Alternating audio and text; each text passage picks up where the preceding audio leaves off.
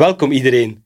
Je luistert en je kijkt naar een nieuwe aflevering van de Victor Podcast. Ik ben Stefan de Kuiper en zoals steeds heb ik een bijzondere gast bij me. Vandaag is dat Luc Velge. Welkom. Dag Luc. Dag Stefan. Nu, laten we van start gaan met een korte introductie. Ik ben ervan overtuigd dat de meeste mensen jou nogthans wel reeds goed kennen, maar kan je je toch nog even kort voorstellen? Wie is uh, Luc Velge? Uh, wie is Luc Velge? Luc Velge is uh, momenteel directeur digitaal transformatie bij de stad Kortrijk. Dit al ja, vier en een half jaar, denk ik. Daarvoor uh, ben ik ook 14 à 15 jaar actief geweest, eigenlijk in een gelijkaardige functie, maar bij de gemeente Zwevenham. iets kleinschaliger, maar daarom niet minder, minder interessant. Ja. Nu, Luc, je bent de directeur digitaal transformatie van de stad Kortrijk, zoals je net zei een van de dertien centrumsteden van Vlaanderen. Wat zijn zo wat de top drie of de belangrijkste uitdagingen voor Kortrijk de komende periode?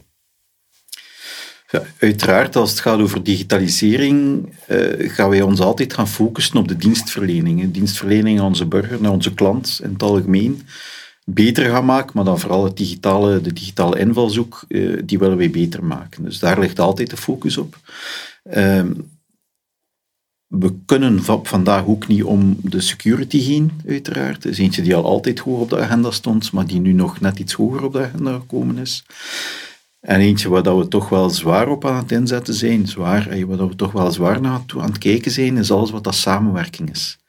Uh, samenwerking binnen de regio, maar ook samenwerking met centrumsteden, samenwerking binnen Victor. Uh, dat is eentje waar we toch wel moeten uh, hard op inzetten.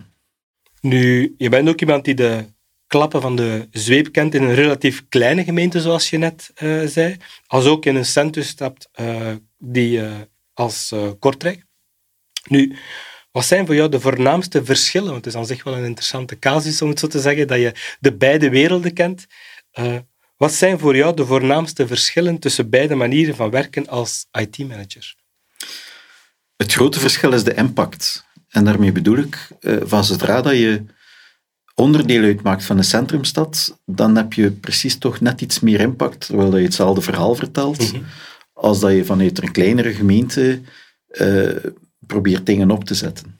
Van zodra dat je onder de noemer van een centrumstad valt, dan krijg je toegang tot een aantal aspecten, vooral ook richting Vlaanderen, waar het als kleinere stad wel wat moeilijker is om die, om die zaken uh, te zien. Um, en een tweede grote verschil is de, de, de schaalgrootte. Nu zitten we met een team uh, waar dat we toch wel wat specialisten kunnen gaan uh, in opnemen. Dat is een redelijk team waarmee we kunnen werken in Kortrijk. We spreken toch over een 20 à 25 mensen op IT.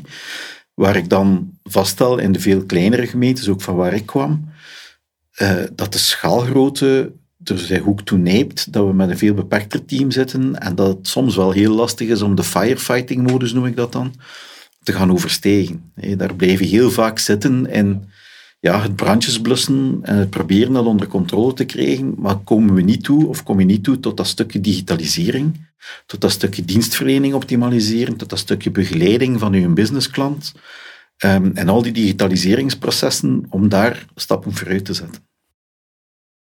Nu, algemeen is er ook um, iets als het centrum-stedenoverleg. Wat staat er bij de centrumsteden collectief op de agenda voor de komende periode? We hebben inderdaad af en toe, uh, we proberen maandelijks of om de twee maanden samen te komen met de, met de IT-managers van de centrumsteden. Uh, wat doen we daar? Daar proberen we vooral ook terug, dat gaat de rode draad zijn doorheen mijn verhaal, denk ik, uh, die samenwerking te vinden. Nee, waar ligt, of waar zijn we mee bezig op, met z'n allen? Uh, kunnen we dingen samen oppakken? Kunnen we raamcontracten samen gaan afsluiten? Eh, wie neemt het voortouw in wat? Um, dat is een heel belangrijk stuk. En een tweede waar dat we dan ook volop op inzetten is kennisdeling, uiteraard, terug. Eh, waar dat is dan weer die deling van, wij hebben een project gedaan omtrent weet ik veel wat. Dan gaan we dat gaan uitleggen aan de anderen, aan de collega's. Die kunnen eruit leren uh, en zo gaan we eigenlijk verder. Um, en daar zijn we ook wel op zoek ja, naar, naar die convergentie. Dat, uh, het samen dingen opzetten, het samen, maar echt wel uh, de dingen samen vastpakken. Denk, uh, mijn volgende vraag sluit helemaal aan met het, het antwoord dat je zo net al deels gaf. Hm. Dus ja, je bent gekend als iemand die het heeft uh, voor samenwerking, kennis delen, van elkaar leren. Kijk, de, de vraag zit er helemaal op, want Hm. het sluit dan op je, op je antwoord. Um, en niet altijd zelf ook het warm water moeten uh, uitvinden. Maar uh, wat kan daar volgens jou nog veel beter en hoe kan bijvoorbeeld een organisatie zoals Victor, maar ook anderen daar een, een steentje bij bijdragen? Um, wat kan beter? Goh, veel denk ik. Uh, misschien beginnen met te zeggen dat we toch wel ook vanuit de regio, vanuit Kortrijk en vroeger Zwevenham, uh, wel wat gepioneerd hebben op dat vlak. We zijn eigenlijk in 2005 2006, twijfeleven, al gestart met bepaalde dingen samen doen. Zo hadden we vanuit Zwevegem ons backup datacenter uitgebouwd in Kortrijk, ook een deel omgekeerd. Um, we konden eigenlijk volledig terugvallen op Kortrijk. Als wij een grote failure hadden in, in Zwevegem, konden we direct opstarten in Kortrijk. Dat was pionieren. Dat was echt over glasvezelconnectie tussen de twee. Um, dus daar zijn we wel heel vroeg mee gestart. Maar daar hebben we eigenlijk ook we hebben altijd de ambitie gehad om verder te gaan, om meer dingen samen te doen. En toen zijn we heel vaak vastgelopen op, um, we zijn allemaal wel bezig met dezelfde dingen, maar op een ander moment. Op vandaag zijn wij bezig met, met uh, de uitrol van 100 laptops, om nu maar een simpel voorbeeld te noemen. Of willen wij er 100 aankopen? Uh, en dan stel je de vraag aan de regio van wie wil er ook aankopen nu? Ah ja, nee, dat is net nu niet. Het is binnen vijf maanden dat we die gaan aankopen. Waardoor dat je die, die, die schaalgrootte dan weer niet vindt. Dus het is heel vaak dat momentum vinden van wanneer kunnen we samen iets opstarten, dat lastig is. Um, dus daar moeten we iets harder durven op inzetten en ook harder durven keuzes maken en eens iets op on hold zetten in een bepaald bestuur, om dan twee maanden later terug op te pakken om het dan samen met anderen te kunnen doen. Ja, dus effectief momentum is uh, ja. echt wel uh, superbelangrijk ja. in die samenwerking natuurlijk. Ja. Nu ook uh, regionaal ben je iemand die de geest van samenwerking, we zijn er terug, um, en elkaar helpen uitdraagt. Er zijn in Vlaanderen wel wat pogingen gebeurd om de regio's te laten samenwerken en vaak stoten die pogingen um, tegen uh, de heilige huisjes aan. Nu, wat is jouw ervaring hierbij en hoe zie je bijvoorbeeld een, samenwerking in de, in de regio Kortrijk? Zijn dat ik er net al voor een stukje aangehaald heb. Je. Er zijn. We zijn rechterland pionieren geweest. Een ander vlak waarop dat we vanuit Kortrijk toch wel pionier geweest zijn, is op vlak van raamcontracten. Daar zijn we ook denk ik 15 jaar terug mee gestart met de eerste grote raamcontracten op de markt te zetten die open stonden voor, voor anderen. Uh, maar nu zijn we wel volgende stapjes aan het zetten in de regio. In de Leidal-regio, uh, om, om het beter te omschrijven, zijn we nu wel volop aan het kijken. We hebben ook een gemeente zonder gemeentehuisdossier dat goedgekeurd is. Dat noemt digitale transformatie in de regio. Uh, waar we echt met medewerking van, of met de steun van alle algemeen directeurs, ook alle burgemeesters staan erachter, mm -hmm. gaan onderzoeken hoe dat we die samenwerking in de regio kunnen optimaliseren. Hoe kunnen we die ver, verbreden, vergroten. Um, we gaan er focussen op een viertal domeinen. Uh, een eerste, ja, dat is, het zijn allemaal open deuren en stampen hoor. Uh, eerste gaat over connectiviteit. Als je wil samenwerken, is het belangrijk dat je ook kunt samenwerken, dus dat er connectie is tussen de, tussen de verschillende partijen. Uh, een tweede grote pijler is dan uh, wat we hebben, gaan we ook delen, de kennis gaan delen met elkaar. Als wij al een project gedaan hebben rond, rond uh, digitalisering of overstappen op SharePoint, waarom gaan we ook die kennis niet delen met de andere steden en gemeenten in de regio? maar dan gaan we ook een stapje verder gaan en dan willen we eigenlijk een aantal of toch gaan onderzoeken hoe dat we een aantal mensen kunnen poolen. Hoe dat we de IT-mensen die in de regio actief zijn, die kunnen samenbrengen in een grotere groep, zonder die echt fysiek te moeten samenzetten, maar dat we toch wel kunnen gaan beroep doen op elkaars knowledge, op elkaars beschikbaarheid ook. Maar voor veel kleinere besturen is dat zelfs een probleem. Op vandaag hebben ze één of twee IT'ers in een klein bestuur. Of zelfs geen enkele. Zijn, in onze regio zijn er twee besturen die geen enkele IT'er in dienst hebben. Uh, dus die vallen volledig op, op, op externen. Dus als we daar met de regio dat kunnen opvangen, uh, als er iemand in zeg maar iets een kleiner bestuur een week op verlof gaat, dan kan een groter bestuur of een ander bestuur dat misschien tijdelijk opvangen. Dus dat soort dingen, het poelen van die mensen, daar zetten we volop op in. Nu, een van die uitdagingen voor lokale besturen is hun uh, informatievoorziening op orde krijgen. En dit zowel intern als naar de, naar de buitenwereld toe. We hebben het al een aantal jaren over master data management, maar dit lijkt toch wel wat uh, voeten, voeten, in de aarde te hebben. Uh, wat is volgens jou de sleutel naar een goed informatiebeheer voor een gemiddelde lokale overheid? de sleutel. Eh, ik denk in eerste instantie is er een bepaalde visie nodig. Er is een duidelijk pad nodig van, of een duidelijk beeld nodig van waar willen we naartoe. Wat is de finaliteit dat we willen bereiken? Daar komt volgens mij terug, we moeten niet 300 keer dat warm water uitvinden, maar dat pad, die visie, waar moeten we idealiter naartoe? Dat is bij alle 300 besturen, gaande van, van Kortrijk naar Spieren bij ons, maar mhm. ook naar Gent, Antwerpen. Is dat volgens mij overal dezelfde finaliteit dat we voor ogen hebben. Dus die visie kunnen we waarschijnlijk wel gezamenlijk gaan uitbouwen. Ga je die dan wat gaan tunen per stad, per gemeente? Uiteraard, want schaalgrootte maakt er inderdaad een groot verschil. Maar om dan terug te keren op, op master data management en informatiebeheer, eh, ook een zeer breed begrip. Informatiebeheer begint eigenlijk van zodra dat je een document begint te tikken, van zodra dat we een Word-document beginnen maken, zijn je eigenlijk al bezig met je informatie neer te pennen die ergens in de information lifecycle terechtkomt.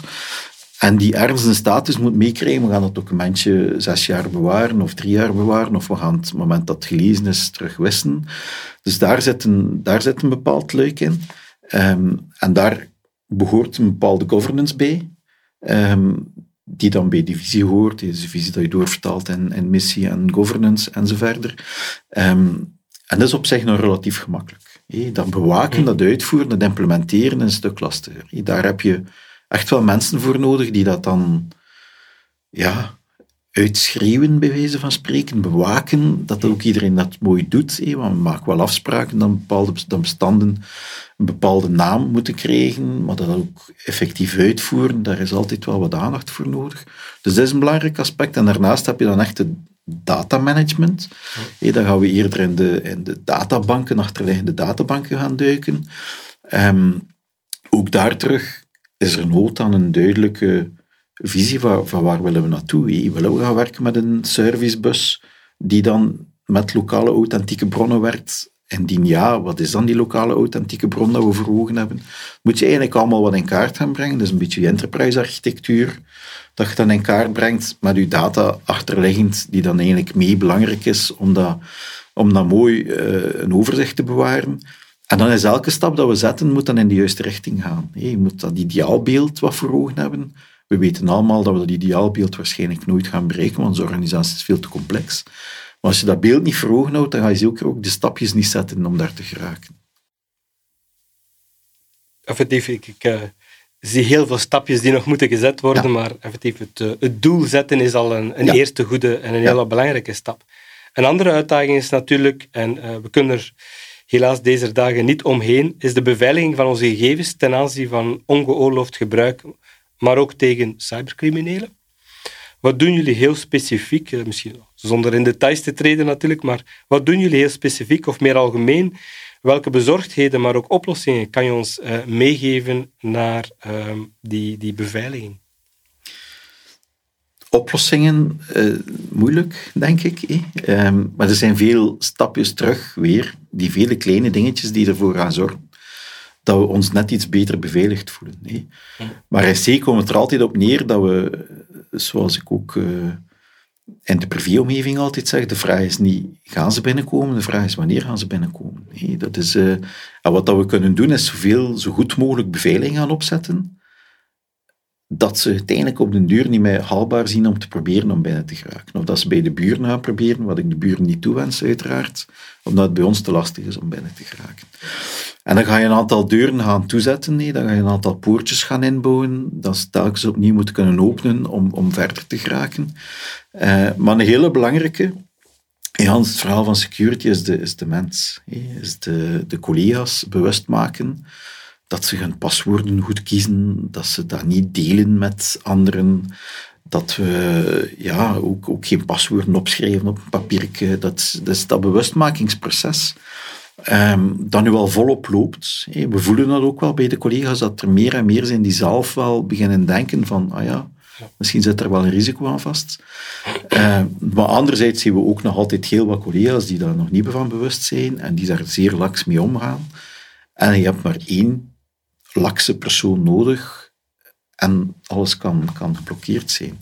Nu, wat doen wij concreet in Kortrijk? Ehm, naast de vele deurtjes proberen dicht te houden, hebben wij een, eh, een interne noemen we veiligheidscel of een security cel opgezet uh, sinds een paar weken, waar dat we eigenlijk wekelijks gaan overlopen wat zijn nu de openstaande punten. We hebben dan ook een aantal uh, vulnerability scanners draaien, die af en toe laten we die eens lopen om te zien waar zitten de mogelijke haatjes nog in, in het netwerk.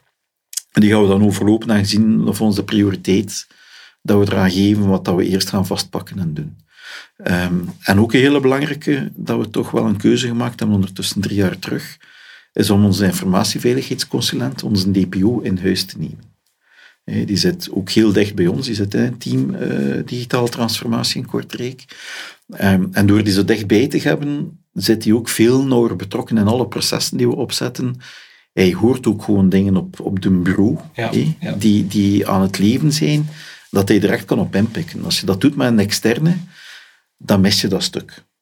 Dat is mijn mening. Ik weet dat mhm. daar wat, wat verdeelde meningen over zijn, maar ik denk, naar mijn aanvoelen, die informatieveiligheidsconsulenten in huis hebben, heel dicht op de vloer, uh, zorgt ervoor dat we veel korter op de bal kunnen spelen en ook veel dieper kunnen gaan bij het uitbouwen van de processen, bij de digitaliseringsoefeningen, direct ook de juiste stappen daarmee te zetten. Een ander aspect waar uh, toch wel uh, niet onbelangrijk is, waar we ook heel actief bij zijn bij, binnen Victor. Je bent samen met 35 andere steden en gemeenten betrokken bij het project LB 365. En hier draait het rond het samen uitbouwen van een City Platform as a Service. Nu, geen gemakkelijke opgave om een paar tiental lokale besturen te laten samenwerken rond een gegevensuitwisselingsbus met generieke componenten die oplossingen vormen. Wat zijn volgens jou een aantal voor- en nadelen in deze mooie samenwerking? Het grootste voordeel is uiteraard dat we dingen samen aan het bouwen zijn. Hm. We zijn met, denk ik op vandaag 35 besturen. 35, klopt, 36, klopt. Op vandaag met 35 besturen samen oplossingen aan het maken. Um, die op zich niet marktverstorend werken, maar die ons wel kunnen vooruithelpen. Um, maar zoals dat je zegt, het is niet allemaal zo evident om dat te doen. Uh, we merken wel dat we de laatste twee jaar een enorme groei gekend hebben en we kennen binnen het project ook wel wat groeipijnen. Die moeten we nu wat onder controle gaan krijgen om dan de volgende stap te zetten. Maar doordat de groep, de massa groter geworden is, denk ik dat we op een bepaald moment ook wel die versnelling moeten kunnen nemen. Het concept zit heel goed in elkaar. Um, en als alles mee zit, dan gaan we op een bepaald moment echt wel een bepaalde versnelling kunnen pakken, waardoor dan alle deelnemers in het consortium echt wel ja, veel sneller gaan kunnen vooruitgaan in de digitaliseringsoefening. Ook onderliggend, hetgeen dat we het er net over hadden, master data management, zit er onderliggend ook aan vast. Um, en Hans dat verhaal van lokale authentieke bronnen en koppelingen met applicaties aan elkaar, dat volledige plaatje wordt eigenlijk gecoverd binnen het project. Um, dus het moment dat we dat echt onder rails kregen, het voordeel is ook dat we kostendelend gaan werken. Nee, als, we, als we een investering doen van pakweg 100.000 euro, delen door 35, is dat voor iedereen behapbaar. De grote kunnen dan misschien nog iets meer bijleggen, maar ook dat zal geen probleem zijn. Maar zo wordt het ook toegankelijk voor de kleinere besturen, waar de budgetten toch ook wel een pak minder zijn. Ja, het is een eh, supermooi, uh, interessant project voor uh, de lokale besturen. Nu, je kent Victor als organisatie, als koepel van mensen die binnen de lokale overheden bezig zijn met digitale transformatie, informatie en technologie. Nu, stel dat je morgen aan het stuur zat van deze organisatie en je zou compleet carte blanche krijgen. Um, welke bakens zou je uitzetten voor, voor onze organisatie, voor onze club? Ja, als volledig carte blanche ook betekent dat financiën geen uh, beperking betekenen, dan, uh, dan is er wel wat mogelijk. Maar ik denk niet dat er zo heel veel moet wijzigen aan hetgeen dat er op vandaag gebeurt. Ik denk dat er op vandaag heel sterk gewerkt wordt op de belangrijkste pijlers waar dat er moet op gewerkt worden. Eentje die we soms wel een klein beetje uit het oog verliezen, is uh, waarmee het allemaal gestart is.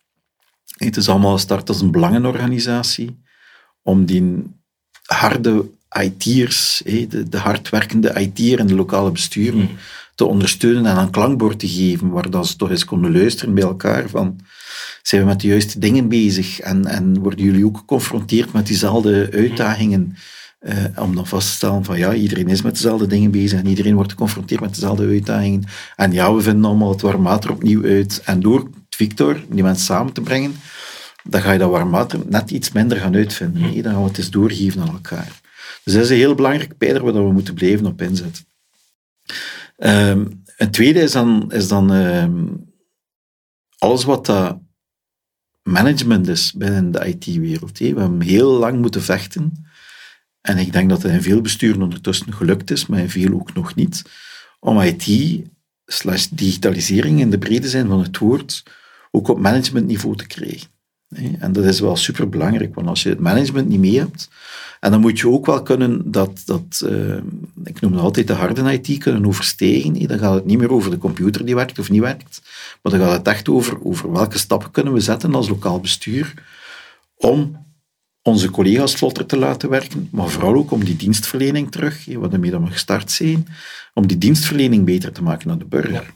Kunnen we ervoor zorgen, zoals die mooie oproep van Vlaanderen, gemeente zonder gemeentehuis, kunnen we ervoor zorgen dat die burger veel minder moet langskomen op het gemeentehuis, dat we die mensen veel beter kunnen bedienen van op afstand, zodanig dat er tijd vrijkomt om diegenen die het echt nog nodig hebben, om toch nog een face-to-face gesprek te hebben, om die tijd te kunnen geven die ze nodig hebben om daar ook stappen vooruit te zetten.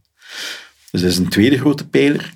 Um, en een derde grote pijler, maar dan komen we bij de, bij de middelen terecht, denk ik, eh, is um, er is een enorme vraag vanuit de lokale bestuur naar ondersteuning. En naar ondersteuning bedoel ik vooral naar onafhankelijke ondersteuning, onafhankelijk advies. Op vandaag, als je de vrije markt gaat gaan bespelen, draai dan keer het zoals dat je wil. Maar om het even welke speler dat je praat, er zit altijd een stukje commercieel aspect achter. Die gaan altijd een uitleg geven in functie van een product die zij al dan niet verdienen. Um, en daar non-afhankelijk advies kunnen in krijgen, daar is een grote vraag naar. Uh, en dat, gaat hem dan, dat kan hem echt wel in vele gelaagdheden zijn. Dat kan ook in besturen zijn, wat we er net over hadden, uh, waar we nog niet op dat managementniveau zitten.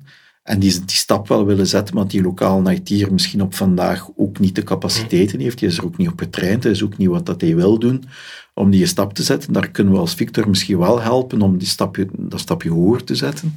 En om dat beleidsplan te helpen schrijven op vlak van IT. Um, dat is een belangrijke. Maar twee, kan het ook zijn bij besturen waar dat ze al, al een stuk verder zitten, maar waar er is wat twijfel is. Ook rond informatieveiligheid op vandaag toch wel heel, heel uh, belangrijk. Er zijn heel wat vragen op vandaag. Van zijn we goed bezig, zijn we niet goed bezig? Er lopen ook veel initiatieven waar we kunnen gebruik van maken. Uh, maar ook daar moeten we onafhankelijk advies kunnen blijven geven vanuit, vanuit een organisatie als Victor. En ik denk als we die drie pijlers kunnen verder uitbouwen, uh, liefst zo dicht mogelijk in samenwerking met een digitaal Vlaanderen, dan gaan we heel wat stappen vooruit kunnen zetten. Is een aantal mooie perspectieven voor de komende jaren die, die we moeten aanpakken. Nu, kijk, tijd is altijd veel te kort in het soort gesprekken, maar we hebben nog één klassieke vraag die we altijd meegeven om, om af te ronden. Um, welke oproep wens je te doen aan ja, de kijkers en de luisteraars van deze podcast als ze hierna, na het bekijken van deze podcast, terug aan de slag gaan in hun lokaal bestuur? Is er zo één takeaway die je graag nog, uh, nog, nog meegeeft? Ik denk dat er zijn er twee dat ik zou willen meegeven. Eén gaat echt wel over die, die visie. Probeer voor jezelf en voor je bestuur een duidelijke visie uit te zetten. Hey, waar willen we naartoe? Zodanig dat je de weg daar naartoe kunt bewandelen. En elke stap die je zet, gaat dan de juiste richting uit. Um, gewoon wel indachtig dat die visie kan wezigen. Hey, dat, die, dat die weg kan wezigen, dat dat einddoel ook kan wezigen. Maar zo zet je lijnen uit, zet je bakens uit en weet je, ga je de weg ook niet verliezen. En een tweede, ja, dat is dan mijn stokpaardje waarschijnlijk, zoek, zoek samenwerking. Zoek uw collega's in een ander bestuur, zoek collega's weet ik veel waar. Uh, kan ook in de privémarkt zijn, maar zoek samenwerking, zoek partners om samen mee vooruit te gaan. Kijk, 2023 uh, komt eraan, dus uh, samenwerking is alleen maar de grote mooie, goede voornemens moeten zijn van veel lokale besturen. Dankjewel, Luc. Graag gedaan.